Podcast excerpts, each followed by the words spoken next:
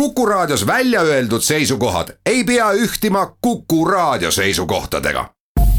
Te kuulate Kuku Raadiot.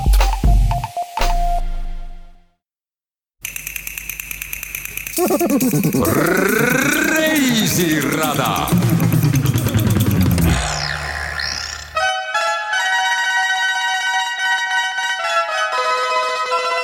Wenn in Canale Grande U-Boote verankert gehen und auf dem Petersplatz in Rom. Raketenabschussrampen stehen, überm Bazar von Ankara. Ein Bombenteppich schwebt.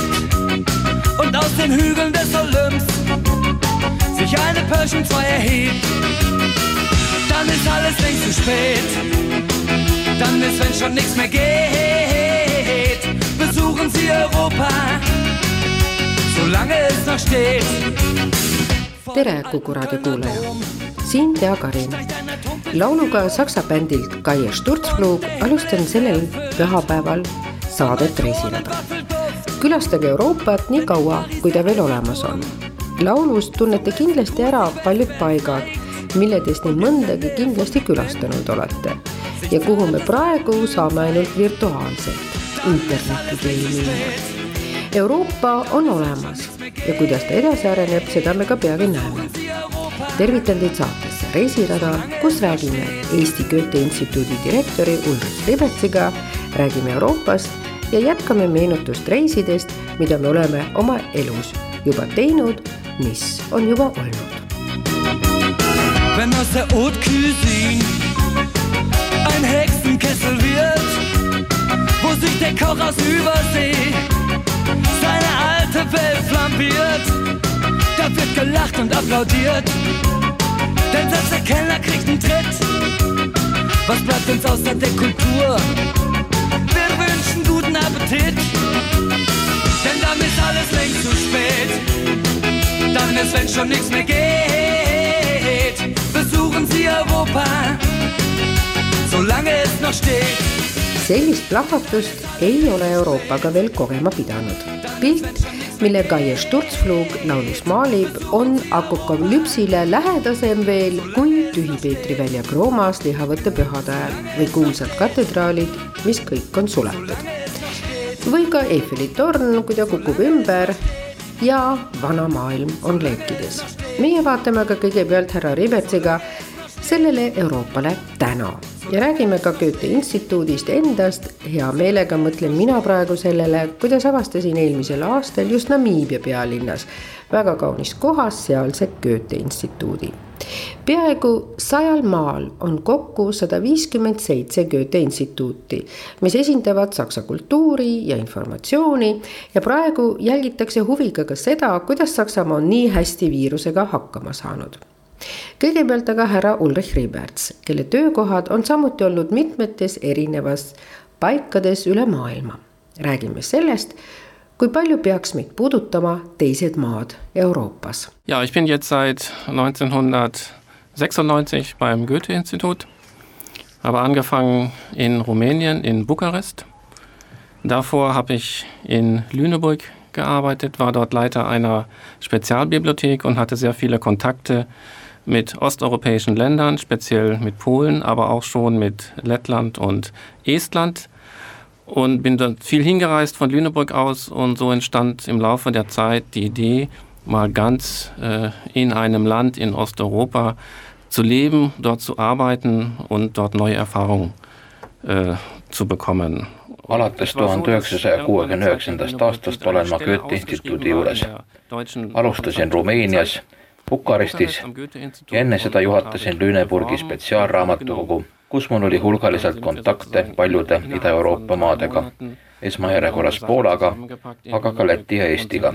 reisisin Lüneburgist mitmeid kordi nendesse maadesse ja sealt tekkiski idee, et oleks tore ühes nendest Ida-Euroopa maadest elada, töötada ja uusi kogemusi saada. kui Lüneburgi ajalehes Die Zeit oli kuulutus, et vabaneb koht Bukarestis Goethe instituudi juures, siis esitasin ma sinna avalduse ja mind võetigi tööle. kolm kuud ja asjad olid Lüneburgis pakitud ning ma alustasingi elu Bukarestis. alates sellest ajast olen ma oma tööalal reisinud erinevatesse kohtadesse. Bukarest oli esimene. nüüd olen juba paar aastat Tallinnas. Nende vahele jäi terve rida teisi kohti, sealhulgas Prantsusmaa, Pariis, aga ka Mexico City, Oslo ja meie keskus Münchenis. Te mainisite ära ka Ida-Euroopa kui palju on nendel aastatel muutuseid olnud Ida-Euroopas ja kuidas te tunnetate täna Ida-Euroopat? Ich habe Island kennengelernt ähm, 1994. Ähm, das war ja recht kurz äh, nach der Wiedererlangung der Unabhängigkeit und da war natürlich noch alles recht, wenn ich das so sagen darf, sowjetisch geprägt. Äh, das, äh, dieses Sowjetische mache ich so ein bisschen an Farben fest. Das kannte ich vorher schon. Hm, Lüneburg liegt in der Nähe der Grenze zur DDR und ich habe immer gesagt von Beutzenburg, das ist eine Stadt in Mecklenburg-Vorpommern, aber schon auf dem Gebiet der damaligen DDR. Von Beutzenburg bis Vladivostok gibt es eine Farbe und das ist ein Grau. Eestiga tutvusin ma üheksakümne neljandal aastal, lühidalt pärast iseseisvumist ja kui ma võin ennast nii väljendada, siis oli kõik veel vägagi nõukogulikult mõjutatud. see nõukogudelikkus kinnitus minu jaoks värvides ja ma tundsin seda juba varem, sest Lüneburg on paik endise Ida-Saksa piiri lähedal ja Poitsenburgist, Mecklenburg-Vorpommernist, sellest liidumaast kuni Vladivostokini kehtis üks värv ja see värv oli hall selle värviga ma seostasingi Ida-Euroopat ja selle värvi leidsin ma tuhande üheksasaja üheksakümne neljandal aastal eest ka Eestist. see hall ei ole siit päriselt veel kadunud, aga halli on juba tunduvalt vähem. Kuigi nendel aastatel, mis on möödunud, nendel aastakümnetel on väga palju muutunud, siis peame tunnistama, et me meie ühises Euroopa Liidus oma naabreid tunneme siiski veel suhteliselt vähe Miks see nii on? Warum ist das so, dass wir uns so wenig kennen? Das ist eine gute Frage. Das hat etwas aus meiner Sicht damit zu tun, dass wir es letztlich noch nicht geschafft haben, so etwas wie eine europäische Öffentlichkeit zu schaffen. Ähm, ich habe das schon sehr früh, als es damals, als ich noch in, äh, in der Schule war, ähm, wurde das schon deutlich. Wir wissen von unseren unmittelbaren Nachbarn nur sehr wenig und das war äh, während meiner Schulzeit betraf das insbesondere den Osten. Das heißt, wir hatten zwar Französischunterricht in der Schule, wir mussten ein bisschen über Frankreich, aber wir mussten, wussten zum Beispiel überhaupt nichts über Polen und über andere Länder ähm, im damaligen Osteuropa. See on väga hea küsimus. ma arvan, et tegemist on sellega, et me pole veel ikka suutnud luua midagi taolist nagu Euroopa avalikkus. see oli juba minu kooli ajal nii, et me teame oma naabritest, kes on otse meie kõrval väga vähe. ma märkasin seda juba varakult minu kooli ajal oli see täpselt nii, meil oli koolis prantsuse keel ja me teadsime palju Prantsusmaast, aga meil puudus informatsioon näiteks Poola ja teiste Ida-Euroopa maade kohta tollal ja tegemist on ka selle tõsiasjaga, et meie meedia olukord ja informatsioonivajadus ei lähe sageli meie oma maapiiridest kaugemale. me näeme oma maad, aga ei näe, mis toimub meie ümber. me ei ole küllaldaselt omandanud piire ületavat pilku näiteks poliitilistes küsimustes.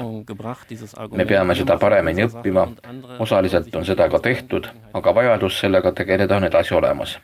osaliselt seda ka blokeeritakse sest te kindlasti teate seda kuulsat ütlust, et me ei tohi ennast segada teiste maade siseasjadesse. seda kasutavad argumendina just paljud parempoolsed Euroopa valitsused, öeldes meie ajame oma asja ja ärgu teised segagu end meie asjadesse. selline mõtteviis on sügavalt ebaeuroopalik, ütleb Ulrich Ribets.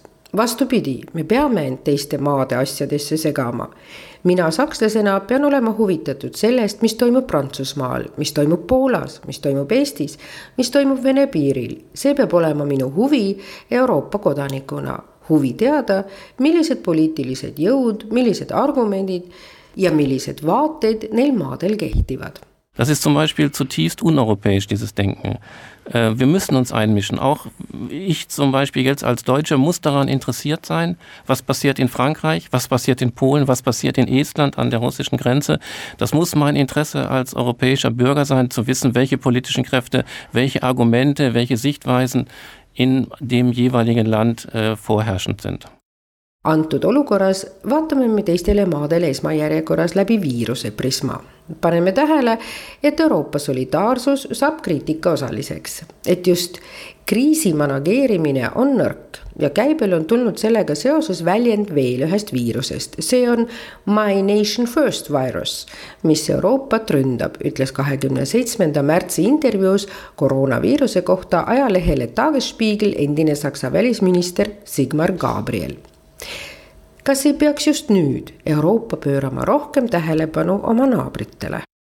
Goethe instituudi koduleheküljel on näha ka mitmeid projekte, mis puudutavad Euroopa Liitu. mida saab Goethe instituut oma projektidega sellele kaasa aidata, et meie Euroopa Liidus teineteist paremini tundma õpime? Also ich glaube, all das, was das Goethe-Institut macht, das betrifft nicht nur das Goethe-Institut hier in Estland, ist europäisch, denn unser Anliegen ist es, Austausch, Dialog, Verständigung zwischen unterschiedlichen Ländern, zwischen unterschiedlichen äh, Einstellungen äh, herzustellen und zu fördern. Das ist das, was wir die Förderung äh, des internationalen kulturellen Austausches nennen. Insofern ist alles, was wir machen, weil eben immer viele Länder beteiligt sind in europäischem Geist, ist europäisch und trägt dazu bei, äh, dass man in Estland zum Beispiel erfährt, was in Deutschland passiert, was im Moment äh, diskutiert wird in Deutschland, was im Moment äh, kulturell im Vordergrund steht. Äh, das bringen wir hier rüber und stellen es in Estland zur Diskussion. Insofern sind diese all, all unsere äh, Projekte europäisch. see, mida Goethe instituut teeb ja mitte ainult Eestis, vaid kogu maailmas teeb, on euroopalik meie asi ongi dialoog, parem üksteise mõistmine erinevatel maadel, erinevate lähenemiste püstitamine, see on rahvusvaheline kultuuride vahetus, sellega on seotud mitmed maad, me toetame Euroopa vaimu ja aitame kaasa ka sellele, et ka Eestis saadaks näiteks teada, mis Saksamaal toimub, mida me just praegu Saksamaal arutame, mis on aktuaalselt esiplaanil. selle toome me Eestisse ja seame aruteluks üles. selles mõttes mõttes on meie projektid euroopalikud. meil on ka paar spetsiaalset projekti, mis Euroopat tematiseerivad. meie koduleheküljel on loodud jaotus, mille nimi on Eesti Euroopas, Euroopa Eestis. ja selle eesmärgiks on informeerida ka teisi riike selle kohta, mis Eestis toimub. mida Eestis arutatakse, millised poliitilised liikumised on prioriteetsed kuidas näiteks mõtleb Eesti elanikkond Euroopa kohta ja seda saab siis teistel maadel arutada sest lehekülg on kahekeelne, eesti- ja saksakeelne. nii saab ka teistel maadel teada, mis on Eesti jaoks poliitiliselt kultuurmaastikul parajasti oluline. reisirada meie peades on aga edasi palju stereotüüpe üheks põhiliseks, mis puudutab Euroopa Liitu, on, et kui midagi on hästi õnnestunud, siis on seda teinud just see maa. kui midagi nässu läheb, siis on süüdi Brüssel. terve Belgia on üks kommikarp. nii nägi seda Tšehhi kunstnik David Tšerni oma kunstitöödes nimetuse all Entropa ja tollal põhjustas ta nende provokatiivsete eelarvamuste esiletoomisega lausa poliitilise maavärina. omapärane et sellel näitusel oli Suurbritannia koht juba tühi. Saksamaad esindasid aga autobaanid, mis pidi sümboliseerima ka Euroopa absurdset liikluspoliitikat. ka Eesti oli ära toodud. milline on siis ettekujutus Eestist? Es gibt so die, Haltung ähm, auch von Leuten, die ein bisschen schon von Estland gehört haben, die Esten sind stur. Das ist so die, die, das Grundanliegen, wobei stur ja jetzt ein sehr ambivalenter Begriff ist. Das kann auf der einen Seite Widerstandsfähigkeit bedeuten und ich glaube, da haben die Esten einiges bewiesen. Need, kes Eestit juba veidi teavad, on seisukohal, et eestlased on jäärapäised. see on justkui baas, kusjuures jäärapäisus on aga väga ambivalentne termin.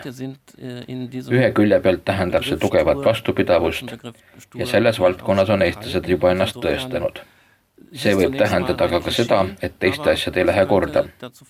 see on juba negatiivne kompliment ja ma arvan, et saksa terminis stur on mõlemad asjad sees. see on klišee, aga see võib viia ka sinna, kui hakata diferentseerima, siis saab selle kaudu eestlaste kohta midagi teada muidugi on härra Ribets kokku puutunud ka stereotüüpidega, mida sakslastest siin arvatakse.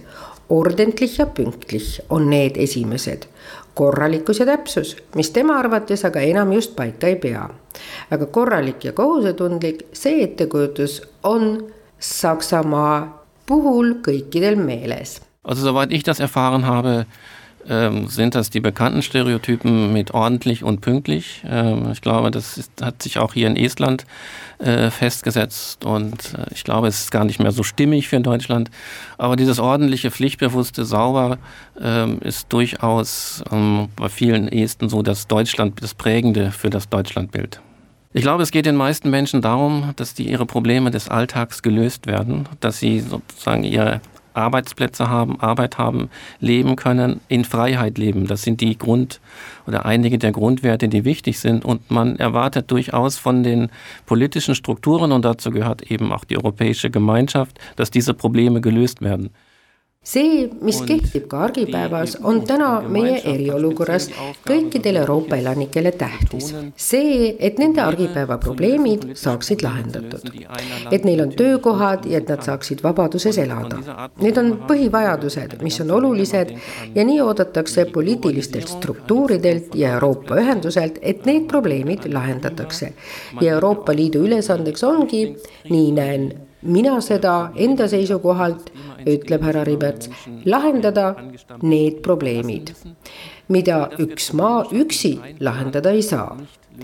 ja neid probleeme on meil täna hulganisti, ainuüksi kui me mõtleme globaliseerumise peale, töökohtadele, mis on nende tulevik, kui me mõtleme kliima peale, ka kliimaga seoses on põgenike probleem, kes tulevikus enam ja enam peavad oma regioonidest lahkuma Need on probleemid, mida üks maa üksi lahendada ei saa. Ja seetõttu on meil vaja struktuure nagu Euroopa Liit, mis poliitilise solidaarsuse raames leiavad teemadele lahendused. seetõttu on tegelikult oluline, et me hoiaksime seda ühtsuse mõtet edasi üleval. Ja ma arvan, et need tulevikuprobleemid on ainult ühiselt lahendatavad. See on võib-olla ka põhjuseks, miks leiab Goethe instituudi koduleheküljelt lause statt einsam gemeinsam, parem koos kui üksi. Ja Ulrich Ribets naerab, see oli Erasmus plussi raames, kus tehti intervjuusid ka saksa üliõpilastega, kelle seas Eesti väga populaarne koht semestrite jaoks on. Ja see vormel on tulevikule suunatud, kui vaadata maailma olukorda. Das war, glaube ich, ähm, ein Motto auch von, von Erasmus Plus haben, glaube ich, wir hatten da verschiedene Interviews von Studierenden, die aus Deutschland im Rahmen von Erasmus Plus in Estland waren. Ähm, übrigens ist Estland da ein sehr beliebtes Land für deutsche Studierende. Äh, viele Deutsche kommen nach Estland, um dort äh, ein Semester zu verbringen. Und das ist genau die, die, die Formel gemeinsam statt alleine. Ähm, weil nur das eigentlich zukunftsträchtig ist angesichts der, der Weltlage, angesichts der Probleme, mit denen wir weltweit zu tun haben. võib-olla on õige koht siin ka küsida, et mida toob Euroopa Liit meile meie argipäeva, kuidas me tunnetame Euroopa Liitu meie igapäevases elus?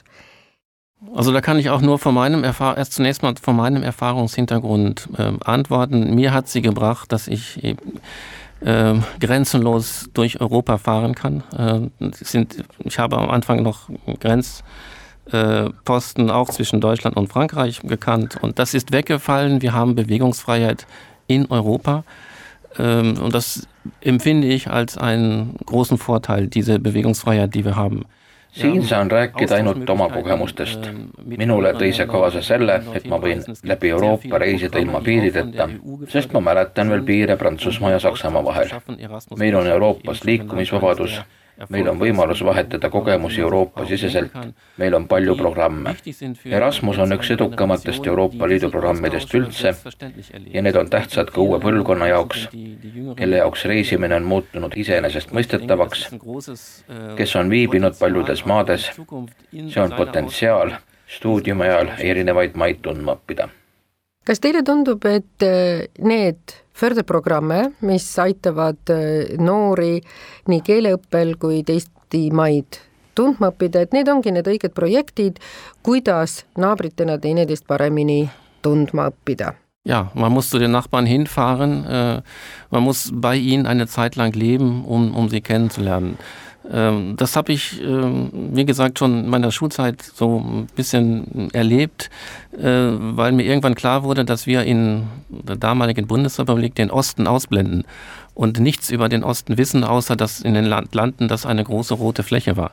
peab sõitma naabrite juurde, seal veidi aega elama, et neid tundma õppida. ma kogesin seda oma ülikooli ajal sest mulle sai selgeks, et kunagisel Lääne-Saksamaal oli idaosa meie jaoks ainult suur punane laik, sõitsime Poolasse, Baltikumi, tollasesse Tšehhoslovakkiasse. Ning kui seal olla ja nendega rääkida, mis ei ole alati kerge, sest tuleb osata keelt, siis saab teise riigi kohta ettekujutuse ja mitte ainult seda Lappina maakaardil tunda. ja mina küsisin, millise äratundmise on need aastad Eestis toonud Also zunächst mal, ähm, dass die, der Großteil der Esten mit dieser Entwicklung hin zu Europa einverstanden ist, dass es, dass es glühende, zumindest in der Mehrheit, äh, Europa-Befürworter sind. Und dass es, glaube ich, gelungen ist, ähm, über sehr viele EU-Programme auch hier äh, in Estland zusammen mit den Esten Strukturen zu schaffen, die ein Leben in Wohlstand und ein Leben in Freiheit ermöglichen. esiteks, eestlased on Euroopa suunal ühel meelel. vähemalt enamuses toetavad nad seda. põhjuseks on ka see, et on õnnestunud tänu paljudele Euroopa Liidu projektidele koos eestlastega luua struktuurid, mis võimaldavad elada vabaduses ja heaolus. ma kogen seda positiivset vaadet siin inimestega rääkides Euroopa vaimustus on tunnetatav. teiseks komponendiks on midagi, mida Ulrich Riberts harva ütleb, rõhutab ta. see on midagi, mille jaoks ta on formuleerinud väljendi humaanne patriotism. ja ta ütleb, et Eesti võib seda endale lubada ja selle üle ka uhkust tunda Und ein zweites wichtiges Merkmal, was mir hier auffällt, ist ein, ich nenne das so, so für mich, ein humaner Patriotismus. Ähm, Estland ist ein kleines Land und kann sich, sage ich mal, diesen Patriotismus leisten. Aber ich kann es verstehen, äh, dass Estland stolz ist auf äh, die Geschichte, auf die zweite Unabhängigkeit, dass es mit friedlichen Mitteln gelungen ist, wieder ein unabhängiges, freies Land zu werden. Und darauf ist Estland stolz und diesen Stolz spürt man überall im Land. Eesti on väike maa ja ma saan aru, et Eesti on uhke oma ajaloo üle, oma vabaduse ja iseseisvuse üle et see kõik on saavutatud rahumeelsete vahenditega ja seda uhkust tunneb üle terve maa. ma arvan, et see on õigustatud ja see on ka väga rõõmus eneseväljendus. kui mõtelda laulupidudele ja tantsupidudele, siis saab seda vabadust tunnetada ning see patriotism, mida ma heaks pean, ja seda ütlen ma väga harva, sest muidu ma olen patriotismi osas skeptiline, sest patriotism võib kiiresti viia ka selleni, et luuakse piir enda ja teiste vahele et öeldakse, need oleme meie ja teie olete need teised. seda ma ka eestlaste juures ei tunneta ja seetõttu on see humaanne patriotism siin muljetavaldav.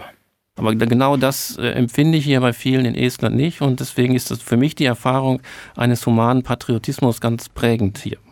Kui me intervjuu Kuku raadios tegime, siis oli olukord Euroopa Liidus ja selle ümber juba keeruline. milline võiks olla aga visioon tulevikust? Also die Vision besteht für mich darin, dass man solidarisch globale Probleme anpackt.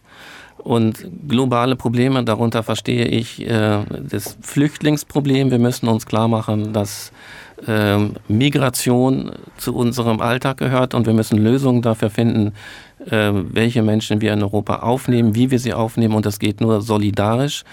Äh, das gleiche betrifft Klima, auch äh, wenn wir wirklich intensiv gegen den Klimawandel vorgehen möchten, wenn wir bestimmte Ziele ähm, erreichen möchten, um die Klimaerwärmung äh, rückgängig bzw. einzugrenzen, dann geht das nur gemeinsam. Und das geht nur, indem wir solidarisch alle Länder gemeinsam an einem Strang ziehen, eine Lösung aushandeln und die dann auch strikt verfolgen. Minu visioon on see, et me solidaarselt lahendaksime meie ees seisvad globaalsed probleemid. globaalsete probleemide all mõistan ma migratsiooniprobleemi, see kuulub meie argipäeva juurde ja me peame sellele lahenduse leidma.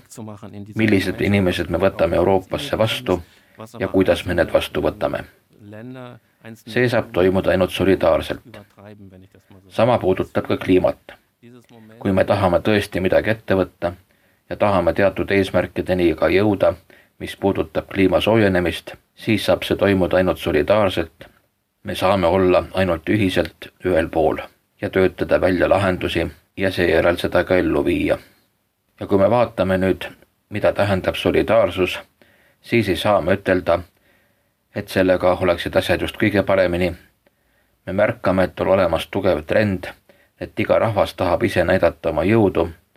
See ei ole küll illegitiimne, aga mul on tunne, et üksikud Euroopa Liidu liikmed pingutavad sellega üle. Und an dieser Solidarität fehlt es im Moment ein wenig, wenn man sozusagen sich alle Mitglieder zusammen ansieht. Es steht im Moment im Vordergrund wieder, äh, sich selbst als äh, Nation sehr stark zu machen in dieser Gemeinschaft, was nicht, auch nicht ganz illegitim ist, was aber einzelne ähm, Länder, einzelne EU-Mitglieder im Moment übertreiben, wenn ich das mal so sagen darf. Es fehlt mir dieses Moment der europäischen Solidarität. puudu on euroopalikust solidaarsusest, ütles Ulrich Ribets. ja praeguses eriolukorras ei ole solidaarsusega just ka kõige paremini. millel on praegune eriolukord välja toonud ja My Nation First viirus ei ole ka veel kusagile kadunud. reisirada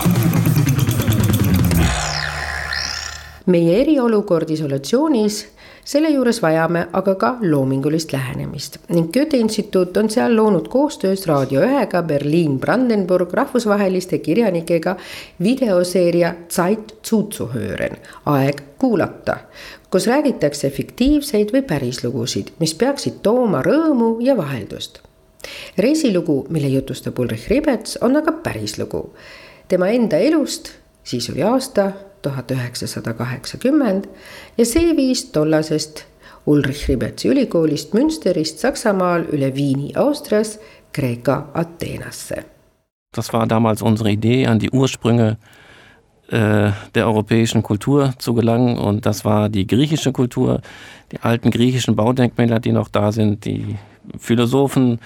Ähm, das war so unsere Vorstellung, da müssen wir hin, weil mein hm, damaliger Freund Fritz und ich, wir haben sehr viel über Philosophie, über Atomtheorie, über Heraklit und über Aristoteles diskutiert und wir wollten jetzt mal dorthin, wo all diese Leute herkamen. eesmärgiks oli tutvuda Euroopa juurtega ja selleks oli Kreeka ja nii tema kui sõber Fritz arutasid nii filosoofiat, aatomiteooriat, mis puudutas nii Herakletost kui Aristotelest ja me tahtsime minna sinna, kust kõik need inimesed pärit olid Und das haben wir gemacht mit einem kleinen Fiat. Ich hatte damals einen Fiat 127 und einem Zelt.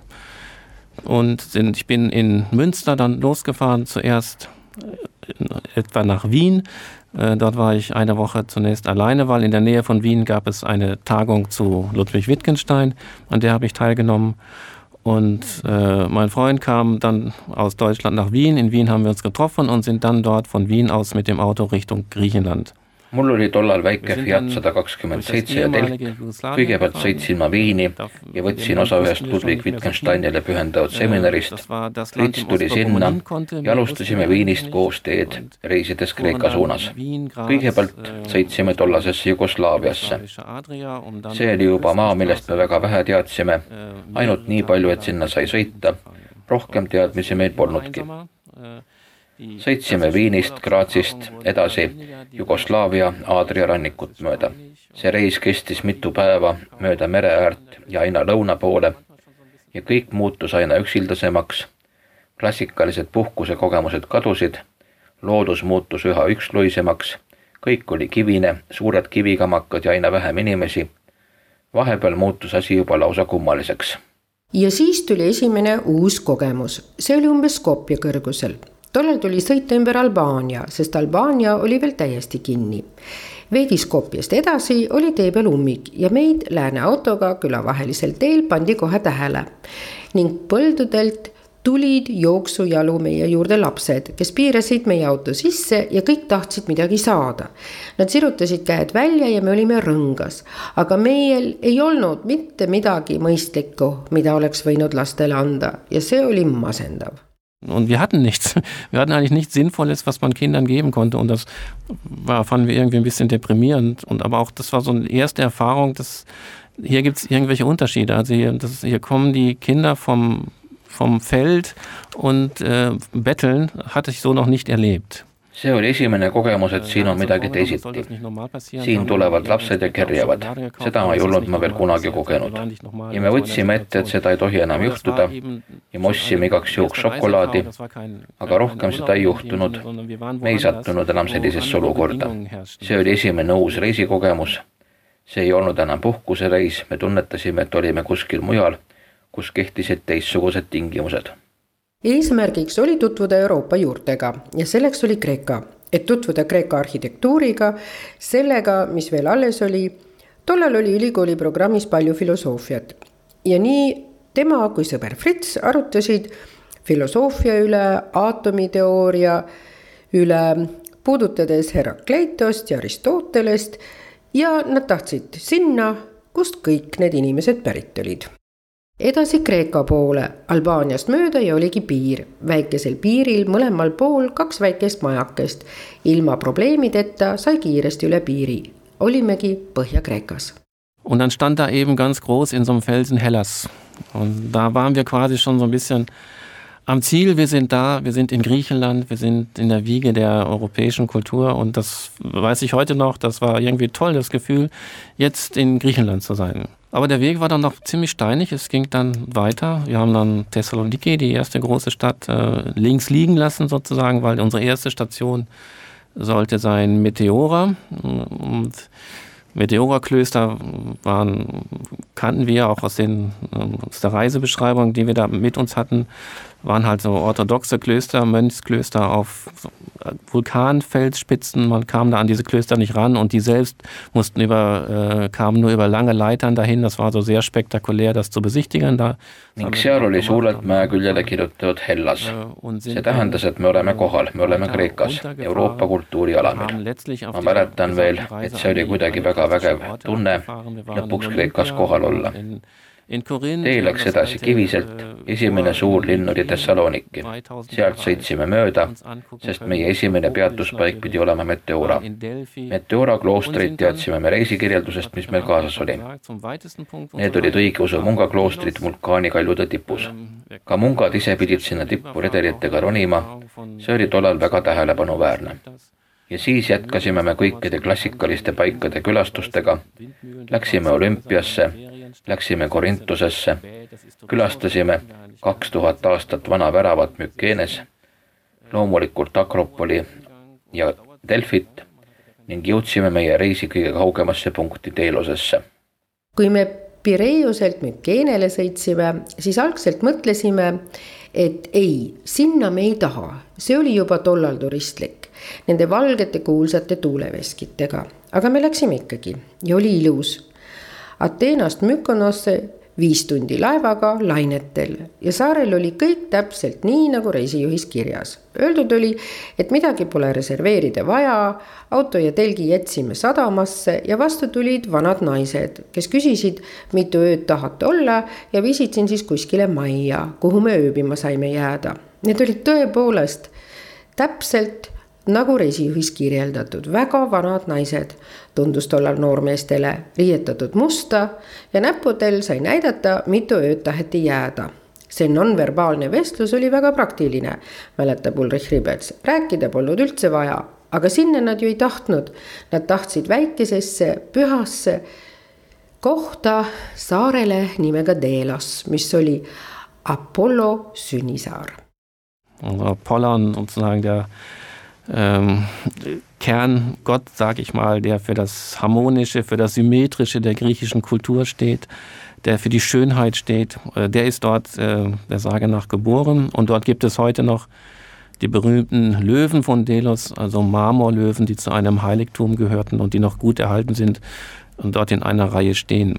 Apollo on see, kes sümboliseerib kõike harmoonilist, sümmeetriat, ilu Kreeka kultuuris ja täna on seal kuldsed marmorlõvid.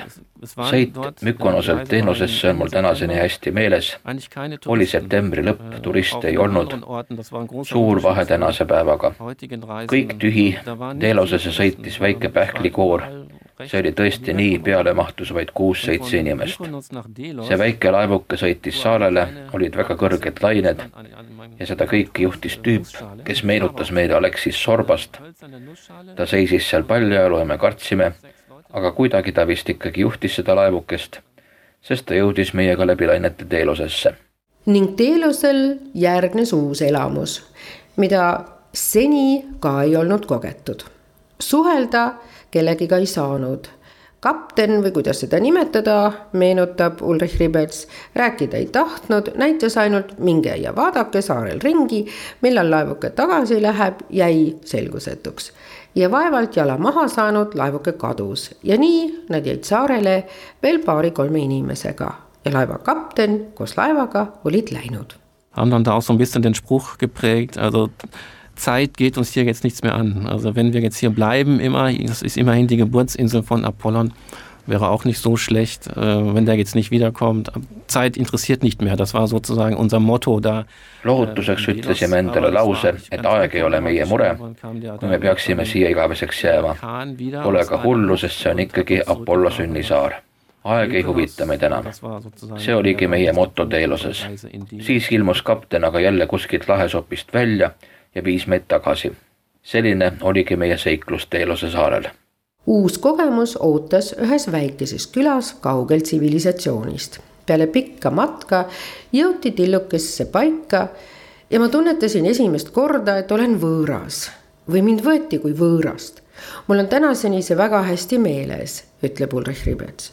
me istusime Fritsuga kohvikus ja kõik kes seal olid, heitsid meie poole pilke ja sosistasid midagi. meie ei saanud küll aru, aga selge oli, et nad räägivad meist, aga mitte meiega.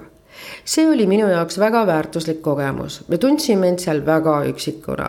see oli kogemus võõras olemisest, millest on kasu, kui meil tuleb täna end seada teiste olukorda, kes on äratuntavad ka riietuse, nahavärvi kaudu, ümbruses, mida meie Euroopas valgetena selliselt ei tunne see oli kogemus, mis oli minu jaoks väga oluline ja see juhtus imetillukeses Kreeka külas Olympuse lähedal. Und das war sozusagen so eine Erfahrung von, von Fremdheit, äh, die ich so zum ersten Mal gemacht habe und die auch sehr, sehr hilfreich war. Wenn man sich heute mal in, in andere versetzt, die sofort erkannt werden als da nicht hingehörend über Kleidung oder sonst wie über Hautfarbe, ähm, was wir so als, als Weiß in Europa nicht kennen. Und das war für mich eine Erfahrung, äh, die fand ich sehr wichtig. Und das war an einem kleinen Dorf in der Nähe von, von Olympia. tagasi üle Patrase ja Itaalia viis tee läbi terve Itaalia üle Brindisi kokku neli tuhat kilomeetrit ja kuus nädalat ilma turistideta. Kas tänaseks on midagi muutunud, küsin Ulrich Ribetsi arvamust. Also wir waren zum Beispiel auf der auf der Hinfahrt auch in Dubrovnik sind dann durchgegangen. Und ich habe jetzt kürzlich mal Bilder von Dubrovnik gesehen, äh, wie es dort aussieht. Und wenn ich das vergleiche mit dem September 1980, als wir dort durchgingen, dann hat sich schon was verändert. Also gerade bei so einem Fall wie Dubrovnik. Äh, da stehen heute vier, fünf und noch mehr äh, Kreuzfahrtschiffe. Insofern äh, kann man ganz knapp sagen, ja, es reisen heute mehr Menschen. Es sind heute mehr Menschen unterwegs. Äh, das sehen wir an allen Orten. Äh, es ist ein Wohlstand da, der den Menschen das ermöglicht und das ist zunächst auch mal gut. me olime läbisõidul ka Dubrovnikus.